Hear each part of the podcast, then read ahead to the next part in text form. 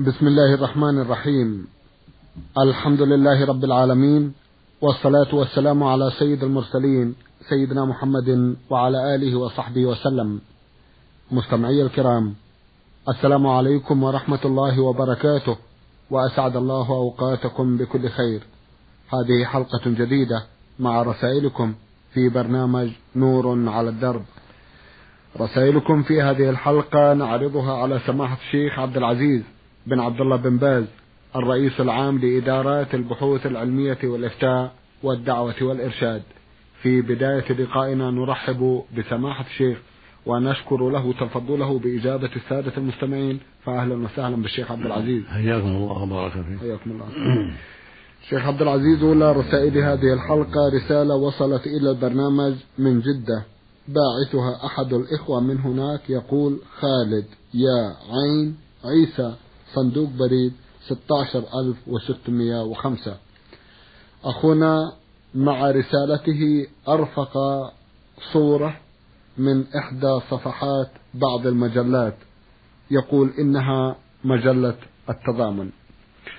هذه المجلة نشرت بعض الكلام عن المرأة وأيضا فيها تطاول على الطريقة الصحيحة التي ينبغي أن تكون عليها المرأة. من ذلكم الكلام الذي نشرته المجلة ما نقله أخونا بالحرف الواحد. يمارس الفكر السلفي كما في المجلة تحت عنوان طبيعة المرأة مجموعة من الازدواجيات. أولها ازدواجية التحرر والعبودية. فامتدح دور المرأة العائلي. ثم وصفها بالجوهرة المصونة وربة الصون والعفاف. هذه العبارات من الإطراء والتمجيد والتي تقدم للمرأة باعتبار أنها قمة التحرر في أسرة يحتاج إليها المقصد الحقيقي من ورائها عزل المرأة في إطار المنزل فقط. ويرجو من سماحة الشيخ التوجيه فيما ينشر في مثل هذه المجلات. نعم بسم الله الرحمن الرحيم. الحمد لله وصلى الله وسلم على رسول الله وعلى آله وأصحابه ومن اهتدى بهداه. هذا كلام فيه نظر وإجمال ويحتاج إلى مراجعة المجلة والنظر فيما كتبه الكاتب. ولا ريب أن المرأة أصلها حرة كسائر النساء وكسائر الرجال الأصل الحرية في جميع بني آدم.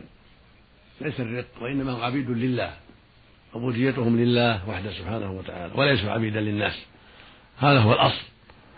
وأما كونها ينبغي أن تصان في بيتها وأن تبتعد عن اختلاطها بالرجال فهذا إذا كان أراده الكاتب معنى الحق. ينبغي أن تصل أن تصون نفسها وأن تبتعد عن اختلاطها بالرجال إلا في الحاجة التي أباح الله لها ذلك كصلاتها في المسجد خلف الرجال. وهي متحجبة مصونة وخروجها للسوق لحاجاتها متحجبة مصونة تقضي حاجتها وترجع. وما أشبه ذلك من الاختلاط الذي لا ريب فيه ولا ريبة فيه ولا شر فيه. أما إن كان أراد شيئا آخر فينظر فيما كتبه وينبه إن شاء الله المسؤولون عن الصحيفة عما يجب الحذر منه. نعم. جزاكم الله خيرا. أيضا أخونا سرد مجموعة من الأحاديث ويرجو من سماحة الشيخ أن يتفضل بالتوجيه بخصوصها. يقول ثقتنا فيكم مطلقة.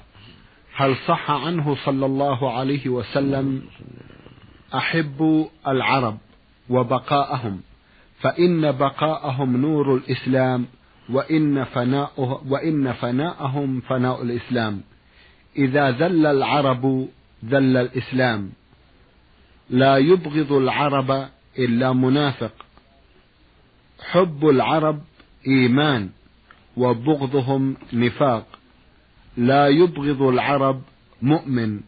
وهكذا يستمر في سرد كثير من النصوص ومن بينها أيضا من غش العرب لم يدخل في شفاعتي ولم تنل. وهكذا يستمر سماحة الشيخ ويرجو التوجيه في هذه النصوص. هذه النصوص فيما علمنا كلها ضعيفة لا تخلو من مقال وبعضها باطل وبعضها فيه ضعف. وقد بينا كثيرا منها في رسالتنا نقد القومية على ضوء الإسلام والواقع. بينا ما فيها من الكلام في غالب هذه الأحاديث وبين أهل العلم رحمة الله عليهم. وبعضها ليس بصحيح بالكلية وبعضها فيه ضعف. وأما غش العرب وغش غير العرب فالغش محرم للعرب وغير العرب. حتى ولو ما صح الحديث يقول النبي صلى الله عليه وسلم من غشنا فليس منا. فالغش للعرب ولغير العرب أمر محرم وممنوع. ليس لأحد يغش العرب ولا غير العرب بل الواجب النصح للعرب ولغيرهم. ثم العرب لهم مزية من جهة أنهم رهط النبي صلى الله عليه وسلم وأن الله بعثه فيهم وبعثه بلسانهم. فلهم مزية من هذه الحيثية أنهم حملوا الإسلام وهم رهط النبي صلى الله عليه وسلم وهم أول من حمل الإسلام ونشره بين الناس فلهم مزية ولهم حق من هذه الحيثية فينبغي أن تعرف لهم أقدارهم ويعرف لهم فضلهم أعني العرب الذين دخلوا في الإسلام نعم. وحملوه إلى الناس وعلموه الناس وصاروا قدوة في الخير كالصحابة رضي الله عنهم وأرضاهم من العرب ومن حمل الإسلام معهم من العجم فهؤلاء لهم فضل ولهم مزية من العرب والعجم الصديق وعمر وعثمان وعلي وبقية العشرة وغيرهم من الأنصار والمهاجرين لهم فضل عظيم. وهكذا من تبعهم بإحسان في حمل العلم والجهاد في سبيل الله حتى نشروا دين الله وعلموه الناس سواء كانوا عربا أو عجما. لهم حق عظيم على المسلمين المتأخرين في الدعاء لهم والترضي عنهم وشكرهم على ما فعلوا وحبهم على ذلك. أما العرب الكفار لا لا حق لهم في هذا. وهكذا العجم الكفار لا حق لهم في هذا. إنما هذا في العرب الذين تحملوا الإسلام ونشروه بين الناس وعلموه الناس وجاهدوا في سبيل الله حتى دخل الناس في دين الله أفواجا. فلهم مزية ولهم حق. ينبغي لمن جاء بعده يعرف لهم فضلهم وأن يشكرهم على أعمالهم الطيب وأن يترضى عنهم ويدعو لهم كما يدعو أيضا لغيرهم من العجم الذين شاركوا في الخير ودعوا إلى الله وحملوا العلم وعلموه الناس وألفوا الكتب المفيدة النافعة. فهذا مشترك بين العرب والعجم. نعم. سماحة الشيخ إذا تكرمتم متى يكون الأعجمي أفضل من العربي؟ مثل ما قال الله جل وعلا يا أيها الناس إنا خلقناكم من ذكر وأنثى. وجعلناكم شعوبا وقبائل لتعارفوا. إن أكرمكم عند الله أتقاكم. فإذا كان العجمي أتقى لله من العربي فهو أفضل. وكل ما كان العربي أتقى لله كان أفضل. فالفضل والكرم والمنزلة بالتقوى. طيب. فمن كان أتقى لله فهو أفضل عربيا كان أو عجميا حرا أو عبدا. بارك الله فيكم. رسالة وصلت إلى البرنامج من اليمن. باعثها أحد الإخوة يقول حاتم سيف غالب من اليمن.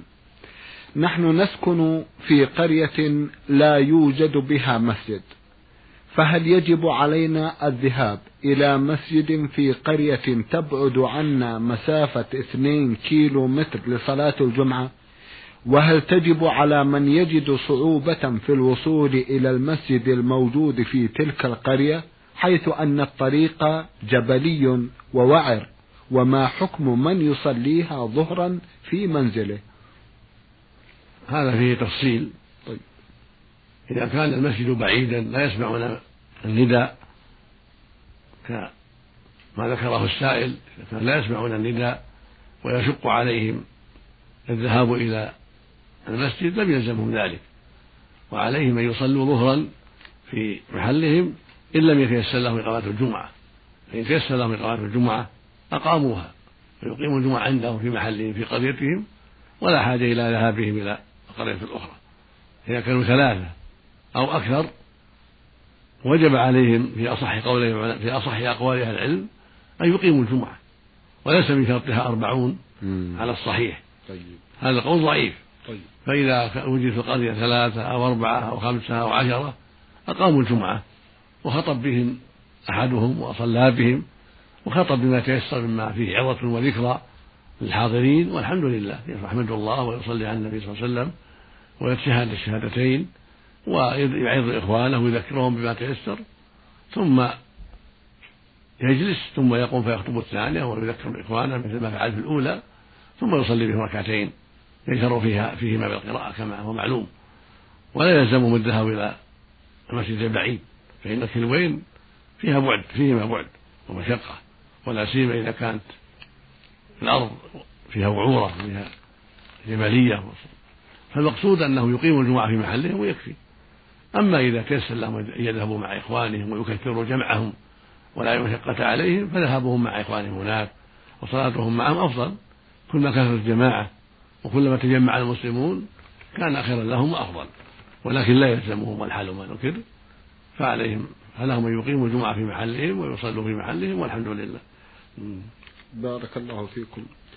هنا رسالة اشترك في وضع أسئلتها مجموعة من إخواننا المصريين المقيمين في العراق وهم أخونا حسن مصري الجنسية وأيضا أحد الإخوة آه، من هناك ورمز إلى اسمه ميم ألف عين والثالث أيضا يقول عين باسين يسألون سماحة الشيخ كما قلت مجموعة من الأسئلة ومن بينها سؤال عن أخذ الأجرة على تحفيظ القرآن الكريم حيث أن لديهم إمام في قريتهم في مصر ويأخذ أجرا على تحفيظ الصبيان للقرآن الكريم فبما توجهونهم لو سمحتم سماحة الشيخ. لا حرج في ذلك. الصحيح أنه لا حرج في أخذ الأجرة على تعليم القرآن وتعليم العلم لأن الناس في حاجة إلى التعليم ولأن المعلم قد يشق عليه ذلك ويعطله التعليم عن الكسب فإذا أخذ أجرة على تعليم القرآن أو تحفيظ القرآن أو تعليم العلم فالصحيح أنه لا حرج في ذلك. وقد ثبت عنه صلى الله عليه وسلم أن جماعة من الصحابة جاءهم بعض العرب وأخبرهم أن سيدهم يعني رئيسهم لذيذ وأنهم فعلوا كل شيء لا ينفعه وطلبوا منه أن يرقوه. فتقدم أحد الصحابة ورقاه بفاتحة الكتاب فشفاه الله وعافاه وكانوا اشترطوا عليهم قطيعا من الغنم. فأوفوا لهم بشرطهم فتوقفوا عن قصبه بينهم حتى سألوا النبي صلى الله عليه وسلم فقال أحسنتم واضربوا لي معكم بسهم.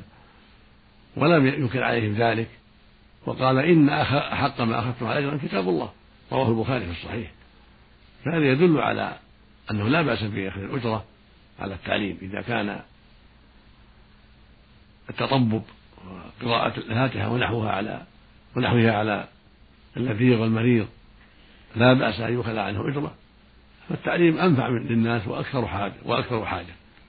فلا بأس أن يؤخذ عنه الأجرة في تعليم العلم تعليم القرآن وتحفيظه ولا حرج في هذا والحمد لله. نعم. بارك الله فيكم. إخواننا يسألون سماحة الشيخ عن الفرق بين المسيحي والنصراني. المسيحي هو النصراني نسبة إلى المسيح ابن مريم. أيوة. يقال نصراني ويقال مسيحي. بعض أهل العلم يقول ما ينبغي يسمى مسيحي إلا من استقام على دين المسيح وآمن به واستقام على دينه حتى مات عليه قبل بعث محمد صلى الله عليه وسلم.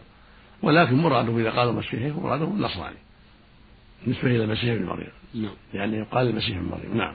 بارك الله فيكم. هل يشترط الاستنجاء لكل وضوء؟ لا يشترط. لا يشترط. إنما الاستنجاء لما قد يقع من بول أو غائط.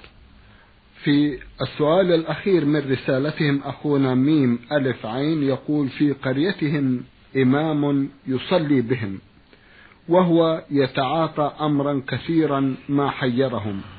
ذلك الأمر هو عندما أحد يتزوج بالقرية لم يجعله يتم الزواج الكامل حيث أن العروسين يحصل بينهما غضب شديد ويقال اذهبوا إلى إلى هذا الشيخ لكي يعمل لهم ورقة وهم يرضون على بعض. وعندما يحضر الشيخ يأتي بكتب من الإنس والجن ويقرأ فيها ويمسح على رأس العروسين بزيت الطيب.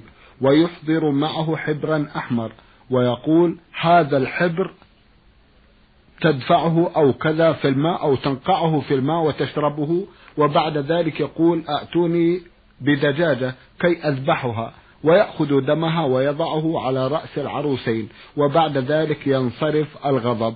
ويستمر سماحة الشيخ على وصف تلكم الطريقة التي يتبعها ذلكم الرجل ويرجو التوجيه للناس في تلك المنطقة. هذا العمل الذي يعمله هذا الرجل تخريف خطأ غلط وتلبيس على الناس لا وجه له ولا أساس له من الصحة. بل الواجب على من أحس بشيء من الغضب أن يتعوذ بالله من الشيطان حتى يهدأ غضبه ويشرع له الوضوء يتوضأ الوضوء الشرعي كما أمر النبي صلى الله عليه وسلم لأن الشيطان خلق من النار والنار تطفأ بالماء والغضب من الشيطان. فالمؤمن يفعل الأشياء الشرعية. يتعوذ بالله من الشيطان الرجيم يتوضأ هذا مشروع. كذلك من أسباب إطفاء الغضب هنا يجلس إن كان قائما ويضطجع إن كان قاعدا أو يخرج من المحل حتى يهدأ الغضب. أما ما يعمله هذا الشيخ من تلطيخ رؤوسهم بالزيت أو بالدم الدجاجة أو بغير هذا من مما يقول كل هذا لا أصل له. كله غلط وكله تلبيس وخداع لا وجه له. وإذا كان قصد ذبح الدجاجة للجن صار شركا أكبر. إذا ذبحها للجن يتقرب إلى الجن صار شركا أكبر. الحديث الصحيح لعن الله من ذبح لغير الله. والله يقول سبحانه قل إن صلاتي ونسكي يعني ذبحي ومحياي ومماتي لله رب لا شريك له. ويقول سبحانه إنا أعطيناك الكوثر فصل لربك وانحر. والنحر والذبح فالمقصود أن هذا العمل يعمله هذا الرجل غلط فينبغي أن يعرضوا عنه ولا يقبلوا منه وينصحوه فإن لم ينتصح ينبغي أن يتفقوا على شخص غيره يصلي بهم ولا يصلي بهم هذا لأن هذا متهم بالشركيات. نعم. عمله ذبح الدجاجة هذا يوهم شرا كثيرا. فالحاصل مثل هذا ما ينبغي يكون إماما لهم إن لم يتب إن تاب فالحمد لله وإلا فيزيلوه ويلتمسوا إماما آخر لمسجدهم ولا يلتفتوا إليه في مسألة إذا حصل بين عريسين شيء من الغضب أو الجفوة لا يلتفتوا إليه. بل يعالج ما بين العريسين بالطرق الأخرى بالنصيحة بالتوجيه بقراءة القرآن بأن يقرأ لهم. إذا كان نوع مرض يعني يحصل لهم شيء توقف من الزوج عن زوجته هذا يقرأ له القرآن يقرأ له. قل يا أيها الكافرون قل الله أحد المعوذتين. وآية الكرسي وآيات تستحيل من سورة الأعراف ويونس وطه ويشرب من ذلك. ويتروش من ذلك ويزول ما قد ما قد يصيبه من المنع والحبس.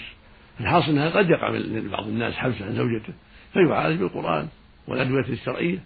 أما عمل هذا الرجل فهو عمل باطل. نعم. بارك الله فيكم.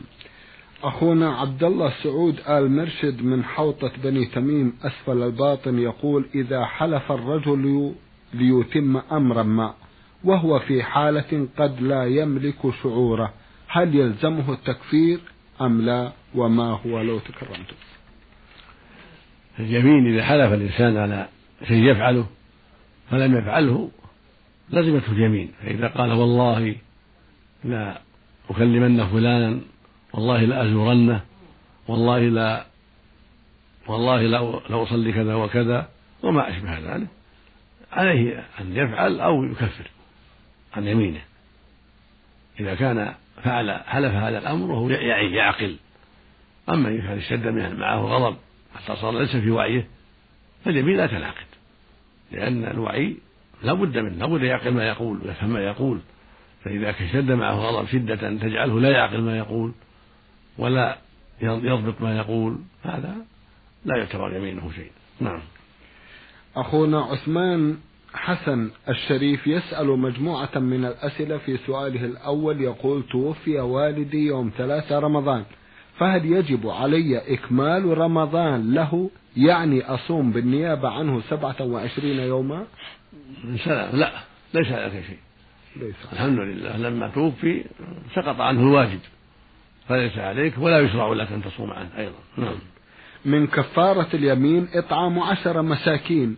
هل يجوز إطعام واحد منهم الآن والآخر بعد أسبوع؟ لأنه قد لا تجد عشر مساكين دفعة واحدة.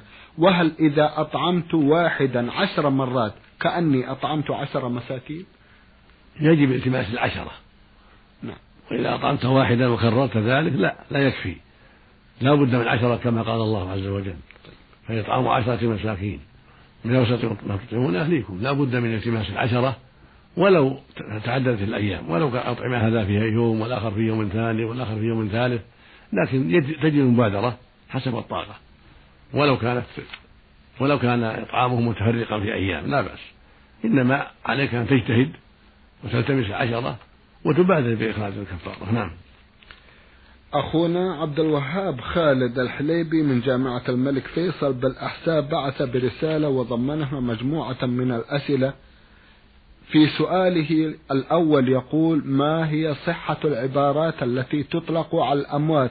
فنحن نسمع أن فلان المغفور له أو المرحوم. هل هذه العبارات صحيحة وكيف توجهون الناس؟ الواجب في هذا أن يقال غفر الله له رحمه الله. ولا يجزم بالمغفور له المرحوم. هذا هو الذي ذكره أهل العلم. وقال أهل السنة والجماعة يقولون لا يجوز الشهادة لمعين بجنة أو نار إلا من شهد له الرسول صلى الله عليه وسلم أو شهد الله له في كتابه وإلا فلا. فممن شهد الله له في الكتاب العزيز بالنار أبو لهب شهد الله له بالنار. وهكذا من شهد له الرسول صلى الله عليه وسلم بالجنة كأبي بكر الصديق وعمر وعثمان وعلي وبقية العشرة وغيرهم من شهد له الرسول صلى الله عليه وسلم أو بالنار. هذا يشهد له. أما من لم يشهد له الله ولا رسوله لا بجنة ولا بنار فإن لا نشهد له بذلك لا هذا ولا هذا. ولكن أهل السنة يرجون للمحسن ويخافون على المسيء.